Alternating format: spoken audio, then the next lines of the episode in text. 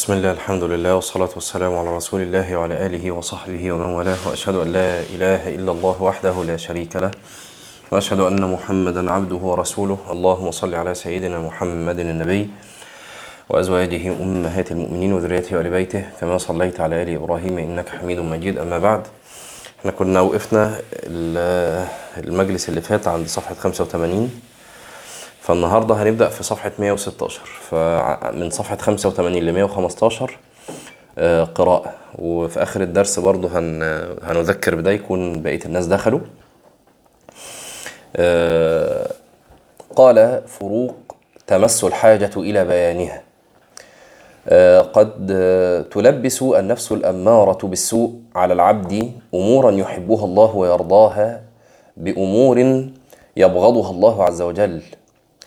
ولدقة الحد الفاصل بينهما لا ينجو من هذا التلبيس إلا أرباب البصائر ذو النفوس المطمئنة.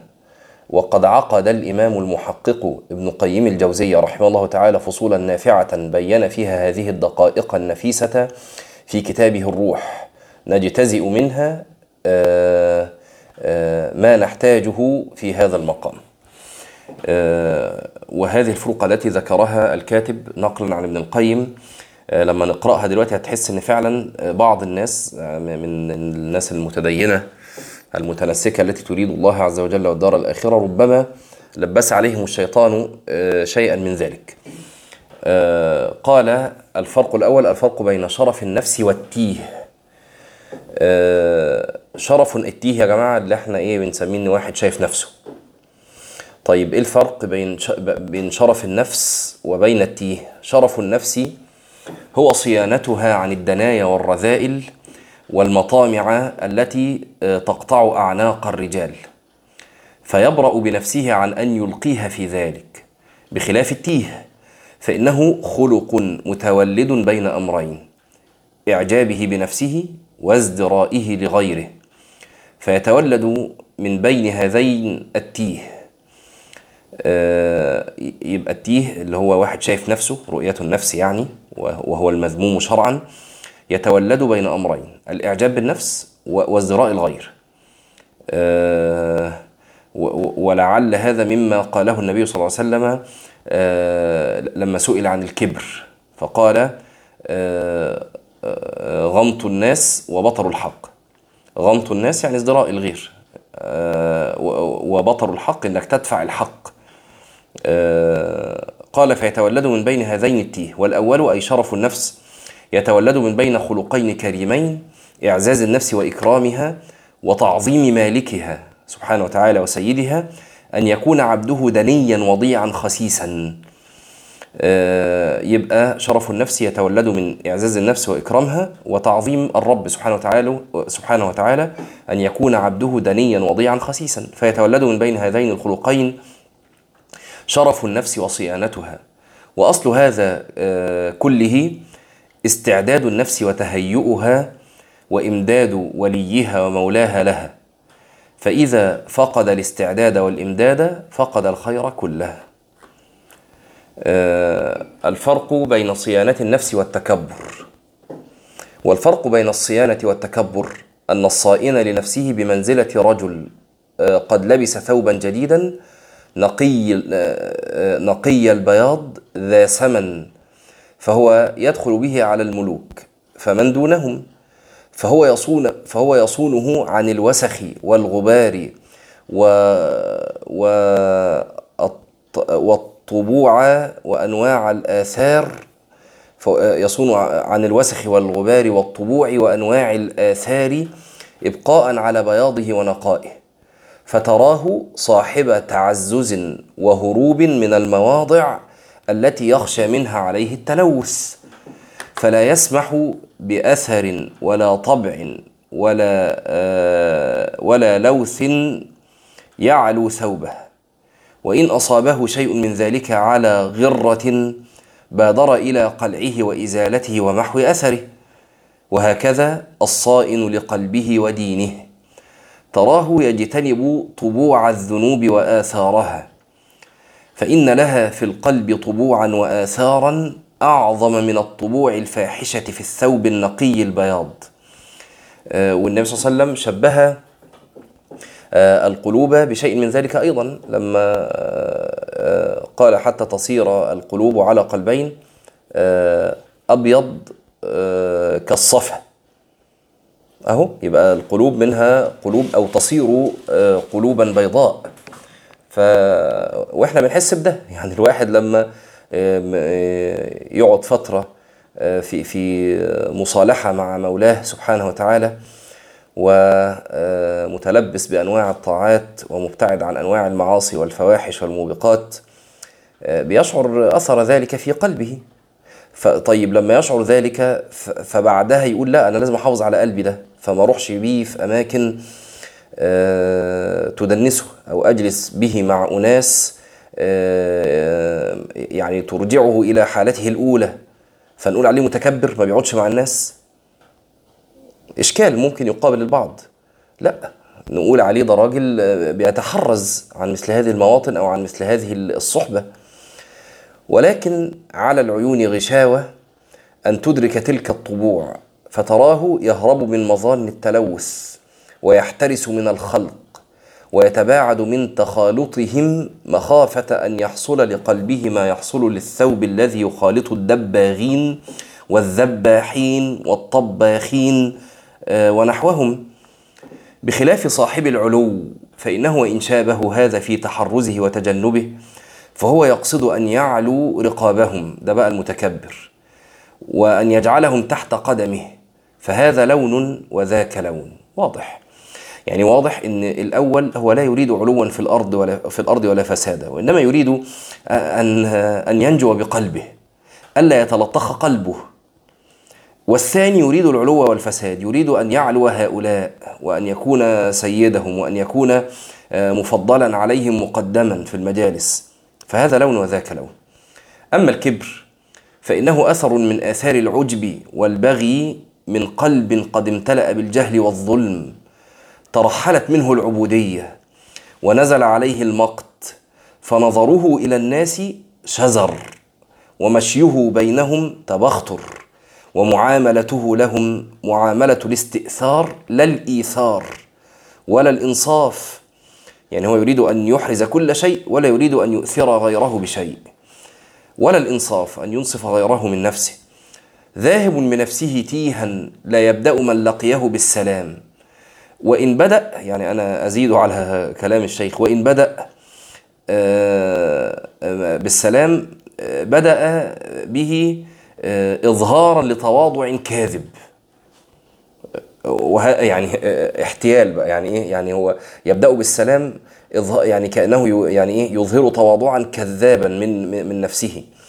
وإن رد عليه آه، رأى أنه قد بالغ في الإنعام عليه أو وإن رد عليه يعني رد على البادئ بالسلام رأى أنه قد بالغ في الإنعام عليه. لا ينطلق آه، لهم وجهه ولا يسعهم خلقه ولا يرى لأحد عليه حقا.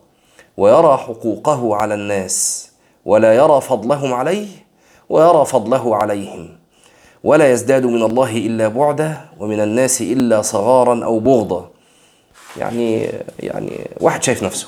من الآخر كده واحد شايف نفسه. فواضح طبعا الفرق بين هذا وذاك. الفرق بين التواضع والمهانة. الفرق بين التواضع والمهانة أن التواضع يتولد من بين العلم بالله سبحانه ومعرفة أسمائه وصفاته ونعوت جلاله وتعظيمه ومحبته وإجلاله ومن معرفته بنفسه وتفاصيلها وعيوب عملها وآفاتها يبقى أول حاجة تتفكر في الله سبحانه وتعالى بعظمته وكبريائه وجلاله ومهابته ثم تتفكر في نفسك بضعفها وتقصيرها وآفاتها وتلطخها بالذنوب والمعاصي فإذا تفكرت في في, في هذين آه، تولد لك التواضع. فيتولد من بين ذلك كله خلق خلق هو التواضع وهو انكسار القلب لله وخفض جناح الذل والرحمة بعباده وأنت إذ تخفض لهم جناح الذل والرحمة آه، تفعل ذلك رجاء أن يعاملك الله عز وجل آه، بما عملت به خلقه. فرجاء أن يرحمك إذ ترحم أنت عباده سبحانه وتعالى. آه، وكذلك آه، يعني كل خلق جميل آه، يعني تعامل به العباد. فتفعل ذلك رجاء أن يقابلك الله عز وجل بشيء من ذلك يوم القيامة. فلا يرى له على أحد فضله ولا يرى له عند أحد حق. بل يرى الفضل للناس عليه والحقوق لهم قبله. يعني يا جماعة قالوا حتى آه، ال- الفقير الذي تعطيه مالا لا ترى لنفسك عليه فضلا بل ترى الفضل له عليك إذ قبل المال. آه، هذا ربما أشكلت آه، يعني أشكله الناس. يعني إزاي يعني؟ إزاي وأنا بدي الواحد فلوس ما ما أشوفش لنفسي عليه فضل بل أرى الفضل له علي. فقالوا إنك لما اديته فلوس وسعت عليه في الدنيا ولما قبل هو المال منك وسع عليك في آخرتك فلمن الفضل إذن؟ يعني التوسعة التي وسعتها عليه وسعت عليه في دنياه إذ أعطيته مالا وهو إذ قبل منك المال وسع عليك في أخراك. إذ تأتي يوم القيامة فتجد آه، مغبة آه، قبوله للمال في الآخرة. فالفضل إذن له لا لك. ولا يرى له عند أحد حق. آه يعني لما يدخل مش شايف إنه آه، يصدر في المجالس ولا شايف إنه يقدم ولا شيء لا هو لا يرى له عند أحد حق. بل يرى الفضل للناس عليه والحقوق لهم قبلة. وهذا خلق إنما يعطيه الله عز وجل من يحبه ويكرمه ويقربه. وأما المهانة فهي الدناءه والخسة وبذل النفس وابتذالها في نيل حظوظها وشهواتها. كتواضع كتواضع السفل في نيل شهواتهم وتواضع المفعول به للفاعل وتواضع طالب كل حظ لمن يرجو نيل حظه منه. فهذا كله ضاعة لا تواضع وإن كان بقى آه، شريفا مشارا إليه بالبنان. لأن ممكن يا جماعة يبقى واحد له آه، منصب دنيوي بل أزيدكم له منصب ديني. لكن هو آه، يمتهن نفسه آه، رجاء تحصيل حطام الدنيا. خلاص؟ وإن كان يعني ممكن يكون هذا الحطام هو المنصب نفسه. فهذا خسة وتواضع ومهانة وليس تواضعا. والله سبحانه وتعالى يحب التواضع ويبغض الضعة والمهانة. وفي الصحيح عنه صلى الله عليه وسلم وأوحى الله إلي أن تواضعوا حتى لا يفخر أحد على أحد ولا يبغي أحد على أحد. الفرق بين المنافسة والحسد.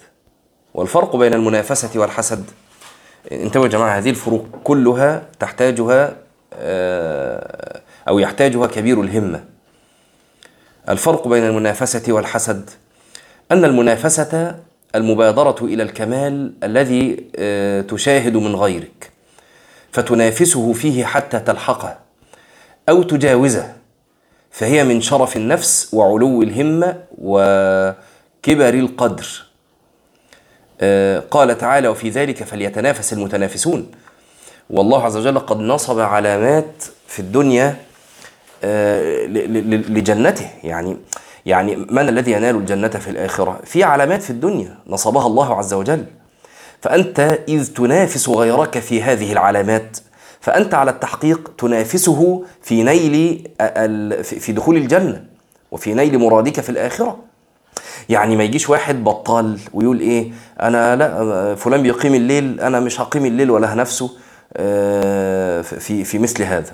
فلان جواد وينفق في سبيل الله يقول لك لا أنا مش هنفسه في هذا. آه، فلان آه، صوام قوام يقول لك لا أنا مش هنفسه في ذلك. ويدعي كذبا أنه يريد الجنة. طب يا أخي ما هي هذه هي العلامات التي نصبها الله عز وجل في الدنيا لمريد الآخرة. ففيها فنافس وع- وعليها فزاحم. وإلا فهذا البطال تراه ينافس بقى في أدنى دنيا في أدنى دنيا. خلاص؟ تلاقيه بقى في الأسواق وفي المولات وفي إمتى؟ في وقت التخفيضات وقت ال ال ال ال ال العروض. في أدنى دنيا. وفي ذلك فليتنافس المتنافسون. آه، والله عز وجل آه، يعني ذكر ذلك بوصفين. قال سابقوا إلى مغفرة سارعوا إلى مغفرة. وفرق بين المسابقة وبين المسارعة. المسارعة أن تسارع إلى الشيء غير ملاحظ لمن حولك. غير ملاحظ لمن حولك.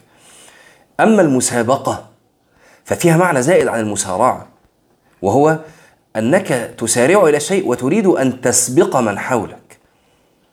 مفهوم يا جماعة؟ فالله عز وجل آه، أمرنا بالأمرين جميعا المسارعة والمسابقة. فالمسابقة تتضمن معنى المنافسة وأصلها من الشيء النفيس الذي تتعلق به النفوس طلبا ورغبة فينافس فيه كل آه، أو كل من من النفسين الأخرى وربما فرحت إذا شاركتها فيه كما كان أصحاب رسول الله صلى الله عليه وسلم يتنافسون في الخير. وده بقى الفرق بين الحسد والغبطة يعني أنت تنافس غيرك وتفرح بالخير إذ يصيبه غيرك. ربما تغتم إذ لم تصبه أنت. هذا الخير لا أنك تتمنى زوال الخير, الخير عنه لا. بل تغتم لأنك لم تحصل هذا الخير. فهذا لا شيء فيه. ويفرح بعضهم ببعض لاشتراكهم فيه. بل يحض بعضهم بعضا عليه مع تنافسهم فيه. وهي نوع من المسابقة. طيب إيه علامة ده؟ إنك لما تفتقد إخوانك في الخير آه، تذهب تراهم اين أين ذهبوا؟ ولما تخلفوا؟ مش بركة يا جامع أهم ما جوش الدرس أهم آه، تخلفوا عن حلقة القرآن فتفرح تجد نشوة في نفسك. لو لو لقيت ده اعرف إنك أن نيتك مدخولة وأنك تريد الدنيا. ليه يا جماعة؟ إمتى بيظهر الحسد؟ يظهر الحسد عند آه، ازدحام الهدف. يعني حاجة يا أنا هاخدها يا أنت هتاخدها. فحينها يظهر الحسد. ولذلك آه، لا تكاد تجد احدا يحسد آه، يحسد احدا على مثلا إن هو قاعد بيتأمل في السماء. ليه؟ لأن السماء واسعة. ما هو يعني هو بيتأمل في السماء تأمل فيها أنت كمان. يعني ما هي, ما هي واسعة. لكن إمتى تحسد؟ لما تلاقي فلان حصل شيئا والشيء ده ما ينفعش انت تحصله إيه، وهو وهو محصله لأن هو الشيء واحد يعني فيكون عنده يكون عندك. زي مثلا الرياسة أو آه، الذكر الجميل مثلا. آه، ولذلك قالوا إنك واحد ممكن يغتم آه، لو ذكر له واحد في أقصى البلاد بعيد عنه. مثلا حصل نوع علم مثلا يذكر به. لأن ده يعكر عليه هو خصوصا إذا كان يطلب هذا العلم يعني. وفي المثل يقول ما يحسدك إلا ابن كارك. تلاقي الطبيب يحسد الطبيب والمهندس يحسد المهندس وهكذا. آه طيب آه الآخرة بقى. الآخرة تسع الجميع الجنة تسعنا كلنا.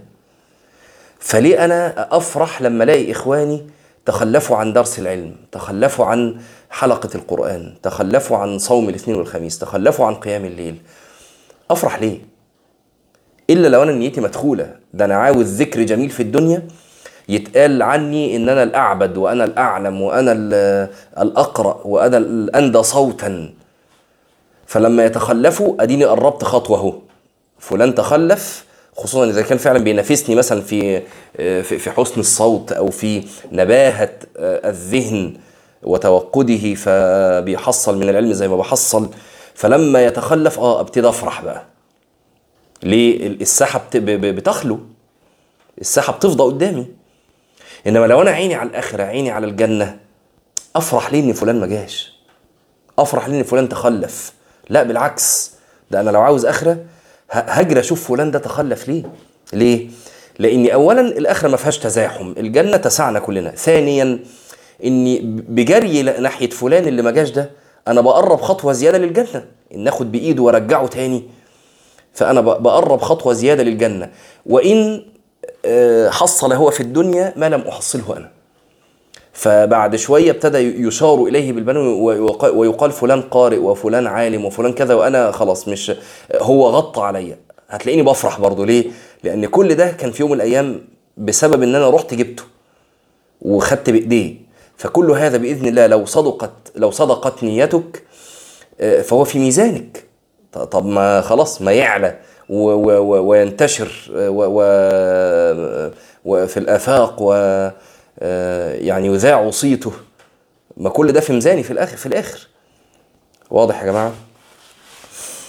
آه، قال يتنافسون في الخير ويفرح بعضهم ببعض لاشتراكهم فيه بل يحض بعضهم بعضا عليه مع تنافسهم فيه وهي نوع من المسابقة. كأن دلوقتي الإشكالات بتتحل هو إزاي بقى بقى بنفسه وعاوزه هو كمان يكسب وعاوزه هو كمان يبقى موجود في في المضمار مش يتخلف. لا. وقد قال تعالى فاستبقوا الخيرات. وقال تعالى سابقوا إلى مغفرة من إلى مغفرة من ربكم وجنة عرضها كعرض السماء والأرض. وكان عمر بن الخطاب يسابق أبا بكر رضي الله عنهما فلم يظفر بسبقه أبدا. فلما علم أنه قد استولى على الإمامة قال والله لا أسابقك إلى شيء أبدا. وقال والله ما سبقته إلى خير إلا وجدته قد سبقني إليه.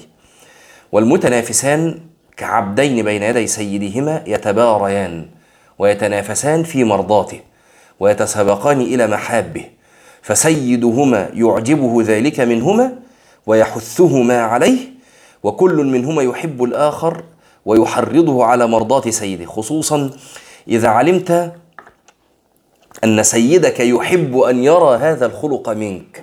حلو أوي المثال اللي ضربه ابن القيم ده يا جماعة. إن منافستك لأخيك آه، هي منافسة عبدين بين يدي السيد. طب انت ليه بتنافسه؟ عشان تقرب لسيدك. طب إيه رأيك بقى لو عرفت ان سيدك ده اللي انت بتنافس آه، عبده الآخر بين يديه يحب أن يرى منك المنافسة؟ ويحب أن يرى منك حبك لأخيك. ويحب أن يرى من قلبك حرصك على آه، وجود آه، العبد الآخر في المضمار. لا أن تزيحه خارج المضمار. هو عاوز يرى الله عز وجل يريد أن يرى منك ذلك. يريد أن يرى منك مجموعة هذه الصفات. فلو أنت فعلا دائما أمام عينك رضا سيدك سبحانه وتعالى هتبقى حريص إنك تظهر كل خلق يحبه سيدك. طب أليس من هذه الأخلاق التي يحبها سيدك أن تحب لأخيك ما تحب لنفسك. مثلا أهو ده خلق يحبه سيدك. فوأنت في المضمار وأنت في حلبة ال- ال- المنافسة ما أنتش غافل عن هذا المعنى. ده اللي أنا بنفسه ده عاوز له الخير. ليه؟ لأن سيدي يريد أن يرى مني هذا. جميل قوي المعنى ده وقرب بقى المعنى و... آه. والحسد خلق نفس ذميمة وضيعة ساقطة. ليس فيها حرص على الخير فلعجزها ومهانتها تحسد من يكسب الخير والمحامد ويفوز بها دونها وتتمنى أن لو فاته كسبها حتى يساويها في العدم كما قال تعالى ودوا لو تكفرون كما كفروا فتكونون سواء وقال تعالى ود كثير من أهل الكتاب لو يردونكم من بعد إيمانكم كفارا ليه؟ حسدا من عند أنفسهم من بعد ما تبين لهم الحق. فالحسود عدو النعمة متمن زوالها آه، عن المحسود كما زالت عنه هو. والمنافس والمنافس مسابق النعمة متمن تمامها عليه وعلى من ينافسه. فهو ينافس غيره أن يعلو عليه. ويحب آه، لحاقه به أو مجاوزته له في الفضل. والحسود يحب انحطاط غيره حتى يساويه في النقصان. واضح الفرق. آه، يعني أنا أتمنى لك الخير وأتمنى أن أكون زيك في الخير أو أعديك ده كده جميل كده منافس. أنا آه، أتمنى زوال الخير عنك عشان تساويني في العدم. لا ده كده حسود. وأكثر النفوس الفاضلة الخيرة الخي... وأكثر النفوس الفاضلة الخيرة تنتفع بالمنافسة. فمن جعل نصب عينيه شخصا من أهل الفضل والسبق فنافسه. انتفع به كثيرا فإنه يتشبه به ويطلب اللحاق به والتقدم عليه. وهذا لا نذمه.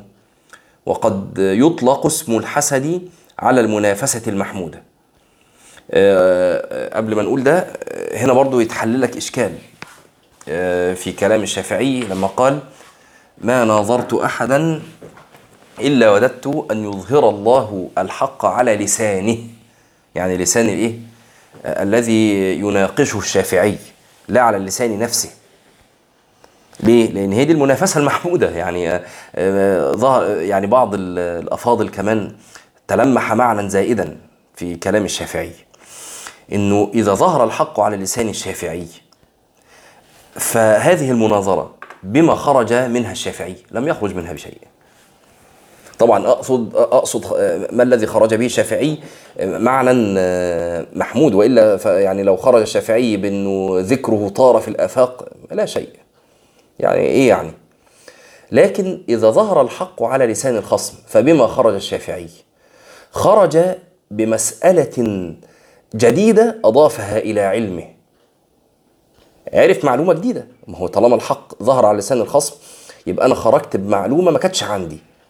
إنما لو خرجت من المناظرة والحق معي فلم أخرج بشيء. ما خلاص المعلومة دخلت بالمعلومة وخرجت بالمعلومة. واضح يا جماعة؟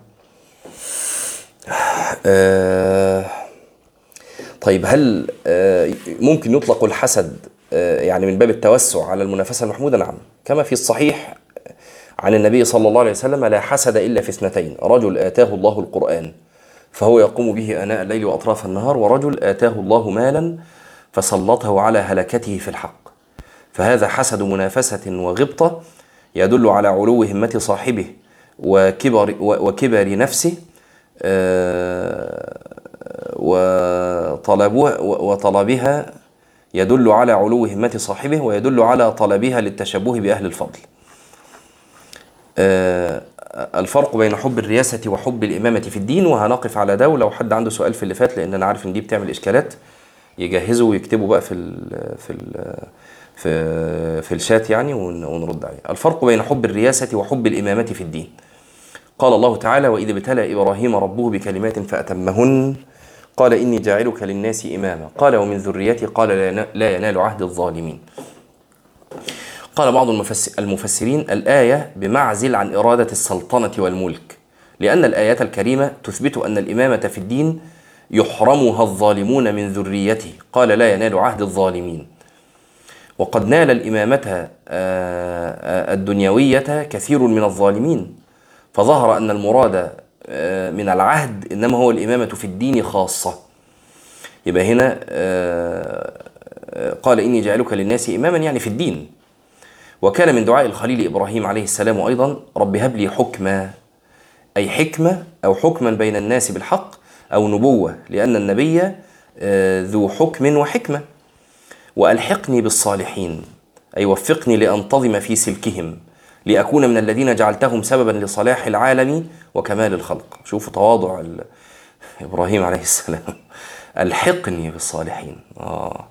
يعني أكون كده إيه يعني إحنا طبعا الواحد بس يقوم له ليلتين ولا يصوم له يومين يشوف نفسه إمام الدنيا. لا ده إبراهيم يقول ألحقني بالصالحين. آه. واجعل لي لسان صدق في الآخرين أي ذكرا جميلا بعدي أذكر به ويقتدى بي في في الخير. كما قال تعالى وتركنا عليه في الآخرين سلام على إبراهيم فلا يصلي مصل مصل إلا سلم على إبراهيم. كذلك نجزي المحسنين. أه وجوز أن يكون معنى أه لسان لسان صدق. واجعل لي أه صادقا من ذريتي يجدد أصل ديني ويدعو الناس إلى ما كنت أدعوهم إليه من التوحيد وهو النبي صلى الله عليه وسلم. ولذا قال صلى الله عليه وسلم أنا دعوة أبي إبراهيم. رواه الإمام أحمد. وصح من دعاء النبي صلى الله عليه وسلم أنه قال اللهم زينا بزينة الإيمان واجعلنا هداة مهتدين. وأخبر ده كله يا جماعة فيه طلب الإمامة في الدين. اجعلنا هداة. وأخبر الله عز وجل أن من دعاء عباد الرحمن آه، وجعلنا للمتقين إماما. قال البخاري رحمه الله في تفسيرها أئمة نقتدي بمن قبلنا ويقتدي بنا من بعدنا. قال القرطبي رحمه الله أي قدوة يقتدى بنا في الخير فإن ذلك أكثر ثوابا. آه يبقى ليه قدوة؟ فإن ذلك ها آه، أشهر وأوسع ذكرا وتقديما في المجالس. لا. فإن ذلك أكثر ثوابا وأحسن مآبا وهذا لا يكون إلا أن يكون الداعي متقي متقيا قدوة. آه، وهذا هو قصد الداعي. وفي الموطأ إنكم أيها الرهط أئمة يقتدى بكم. فكان ابن عمر يقول في دعائه اللهم اجعلنا من أئمة المتقين. وقال مكحول اجعلنا أئمة في التقوى يقتدي بنا المتقون. وقال القفال وغيره من المفسرين في الآية دليل على أن طلب الرياسة في الدين واجب. وكان القشيري يقول الإمامة بالدعاء لا بالدعوة يعني بتوفيق الله وتيسيره وتيسيره ومنته لا بما يدعيه كل أحد لنفسه. قال إبراهيم النخعي لم يطلبوا الرياسة بل أن يكونوا قدوة في الدين. وقال ابن عباس واجعلنا أئمة هدى كما قال تعالى وجعلناهم أئمة يهدون بأمرنا. وعن الحسن قال من استطاع منكم أن يكون إماما لأهله إماما لحيه إماما لمن وراءه ذلك لمن وراء ذلك فإنه ليس شيء يؤخذ عنك إلا كان لك منه نصيب. يعني من الثواب. وشوفوا يا جماعة هنا المعنى. آه، إماما لأهله. يعني ما, أنت مش لازم تكون بقى إمام الدنيا مش لازم تكون داعية مفوه. يا, أخي كن إماما لولدك إماما لزوجك. إماما لوالدك إماما لوالدتك إماما لأخيك. وقد فصل الإمام المحقق ابن قيم الجوزية رحمه الله تعالى الفرق بين حب الرياسة وبين حب الإمامة في الدين. فقال والفرق بين حب الرياسة وحب الإمارة للدعوة إلى الله هو الفرق بين تعظيم أمر الله والنصح له وتعظيم النفس والسعي في حظها فإن الناصح لله المعظم له المحب له يحب أن يطاع ربه فلا يعصى وأن تكون كلمته هي العليا. وأن يكون الدين كله لله وأن يكون العباد ممتثلين أوامره مجتنبين نواهيه فقد ناصح الله في عبوديته وناصح خلقه في الدعوة إلى الله فهو يحب الإمامة في الدين. بل يسأل ربه أن يجعله للمتقين إماما يقتدي به المتقون كما اقتدى هو بالمتقين.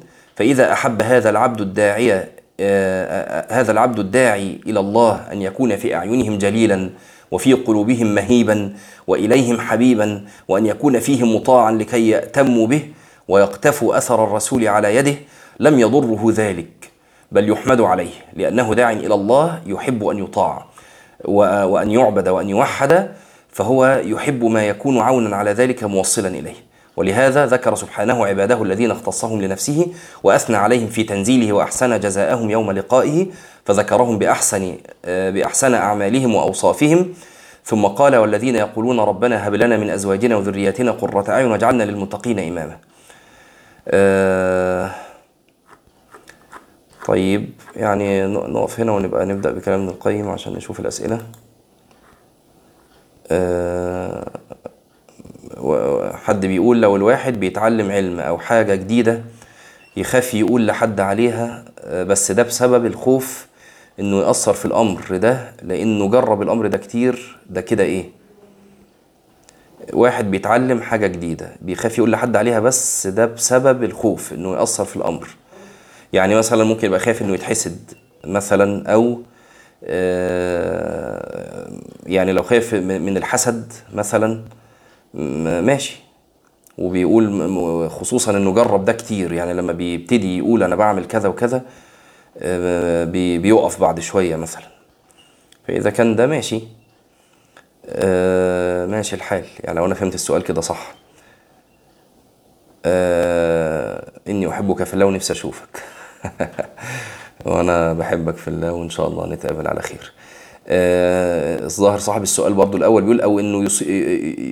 يعني يصاب بالرياء هو بيخاف يقول للناس إني بعمل كذا وكذا حتى لا يصاب بالرياء آه، أنت أدرى بحالك. لو أنت شايف إن أنت بتقول ده علشان يعني يتقال عنك كذا وكذا أو إنك ت... يبقى الناس شايفاك بالصورة دي فلا يبقى ال ال يعني الستر في مثل هذا أولى. الله أعلم. خلاص؟ والنفوس في نفوس قوية تتحمل إنها ترى وفي نفوس لا ما هياش بهذه القوة. وعلى كل حال مهما كان يعني مهما استطعت إنك تخفي عبادتك وأن تجعلها بينك وبين ربك سبحانه وتعالى هذا أولى بلا شك لأنه أقرب إلى الإخلاص وأبعد عن الرياء. خلاص؟ إن تبدوا الصدقات فنعم هي وإن تخفوها وتؤتوها الفقراء فهو خير لمين لكم أنتم أيها المتصدقون مش للفقراء. للفقير ممكن يكون الأولى ليه إنك إن الصدقة تبان فغيرك يأتسي بك فهو ياخد فلوس كتير. إنما الأولى ليك أنت أن تخفيها. لأنه أقرب الإخلاص وأبعد عن الرياء. والله أعلم. وسبحانك اللهم وبحمدك. أشهد أن لا إله إلا أنت. نستغفرك ونتوب إليك. والسلام عليكم ورحمة الله وبركاته.